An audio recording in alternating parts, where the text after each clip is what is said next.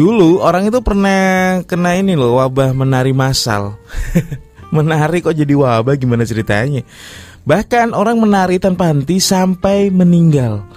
Luar biasa ya wabah yang satu ini 1518 di kota Stanburg, Prancis Ketika seorang wanita bernama Frotovea turun ke jalan dan menari-nari. Dia terus menari tanpa henti selama 4 hingga 6 hari.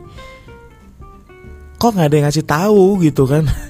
4 sampai 6 hari. Ya minimal nggak ngasih tahu ngasih inilah saweran ini.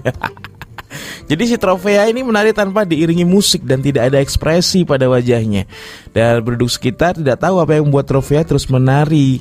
Nah itu terjadi di tahun 1818, eh, 1518 sorry. Tidak hanya itu, selama sebulan ternyata wabah tersebut semakin meluas dan membuat jumlah penari menjadi hingga 400 orang. Jadi semua si 400 orang ini menari di jalanan tanpa musik mereka. Hampir semua terpengaruh untuk menari terus menerus kemudian mau laki-laki mau perempuan, anak-anak semua ikut menari meskipun hal ini lebih banyak mempengaruhi perempuan. Nah, kira-kira nih apa yang terjadi ya? di tahun 1818 orang pada menari semuanya. Mereka percaya bahwa menari merupakan obat katanya, sehingga mereka terus menari. Bahkan mereka juga memanggil seorang musisi. Akhirnya ya, akhirnya mereka mungkin ngerasa gini, wah kayaknya ya sambil menari dong, ya kan? Saya menari, sebenarnya kayaknya uh, kurang asik nih kalau kita nggak ada musik-musiknya nih. Wah panggil deh sana.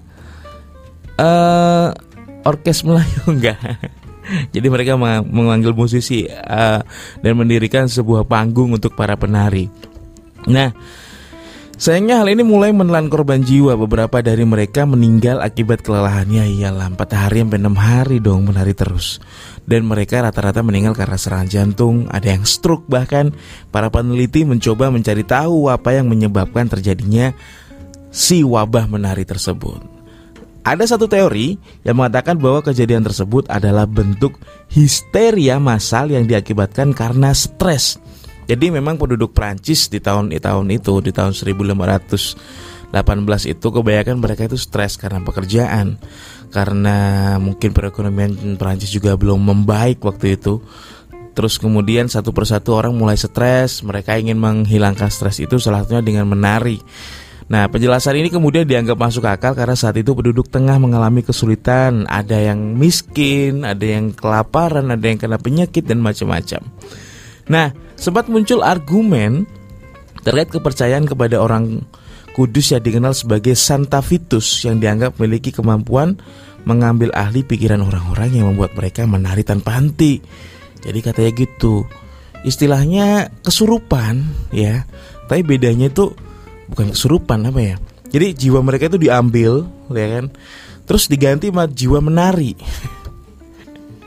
gimana lagi coba itu teori lain mengatakan bahwa mereka tidak sengaja telah memakan ergot sejenis jamur oh yang tumbuh dan hidup sebagai parasit pada uh, sereal mereka yang mereka makan gitu kan ergot menghasilkan alkaloid yang bersifat psikotropika yang dapat menyebabkan halusinasi, perilaku aneh dan efek neurologis lainnya.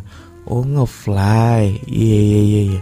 Ergotisme juga telah dianggap sebagai kemungkinan penyebab terjadinya wabah menari. Kejadian ini ya, memang terlihat seperti cerita kuno, tetapi wabah menari emang beneran terjadi di tahun 1518. Tercatat dalam catatan medis, kewarganegaraan dan agama pada saat itu. Jadi semuanya ada catatannya tentang si wabah menari ini.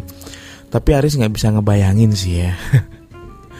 uh, tinggal di sebuah kota di mana kebanyakan penduduknya menari, ya kan? Ada nanti pasti mereka ngasih ngasih nama gangnya juga ini nama nama-nama tarian ya kan? Ada namanya gang shuffle ya. Terus ada uh, gang keca ya kan? Tari keca soalnya rata-rata rosona tuh kalau mau ke mana-mana jalan gitu aja sambil tari keca. Caca mau ke mana cak? Kayak gitu. Dan tarian-tarian yang lain. Tapi mungkin karena di Perancis juga uh, beda lah sama di Indonesia. Kalau Indonesia itu kan tariannya banyak banget ya. Makanya orang bisa namain uh, gang itu dengan nama-nama tarian. Kalau di Perancis itu nggak bisa karena tariannya udah itu itu aja gitu. Monoton mereka. Mereka cuma pengen goyang aja sebenarnya. Ada sih ngebayangin juga kalau misalkan orang Perancis itu uh, yang diperdengarkan itu bukan musik-musik uh, seperti musik-musik jazz, musik-musik apa sih kalau zaman dulu nge uh, blues dan sebagainya gitu yang sering banget didengar orang-orang Prancis tapi lebih ke musik dangdut mungkin. Coba di orang Prancis tahun 1800, 1518 dengerin suara gendang. Mm. Kalau Aris bilang muter, pasti muter.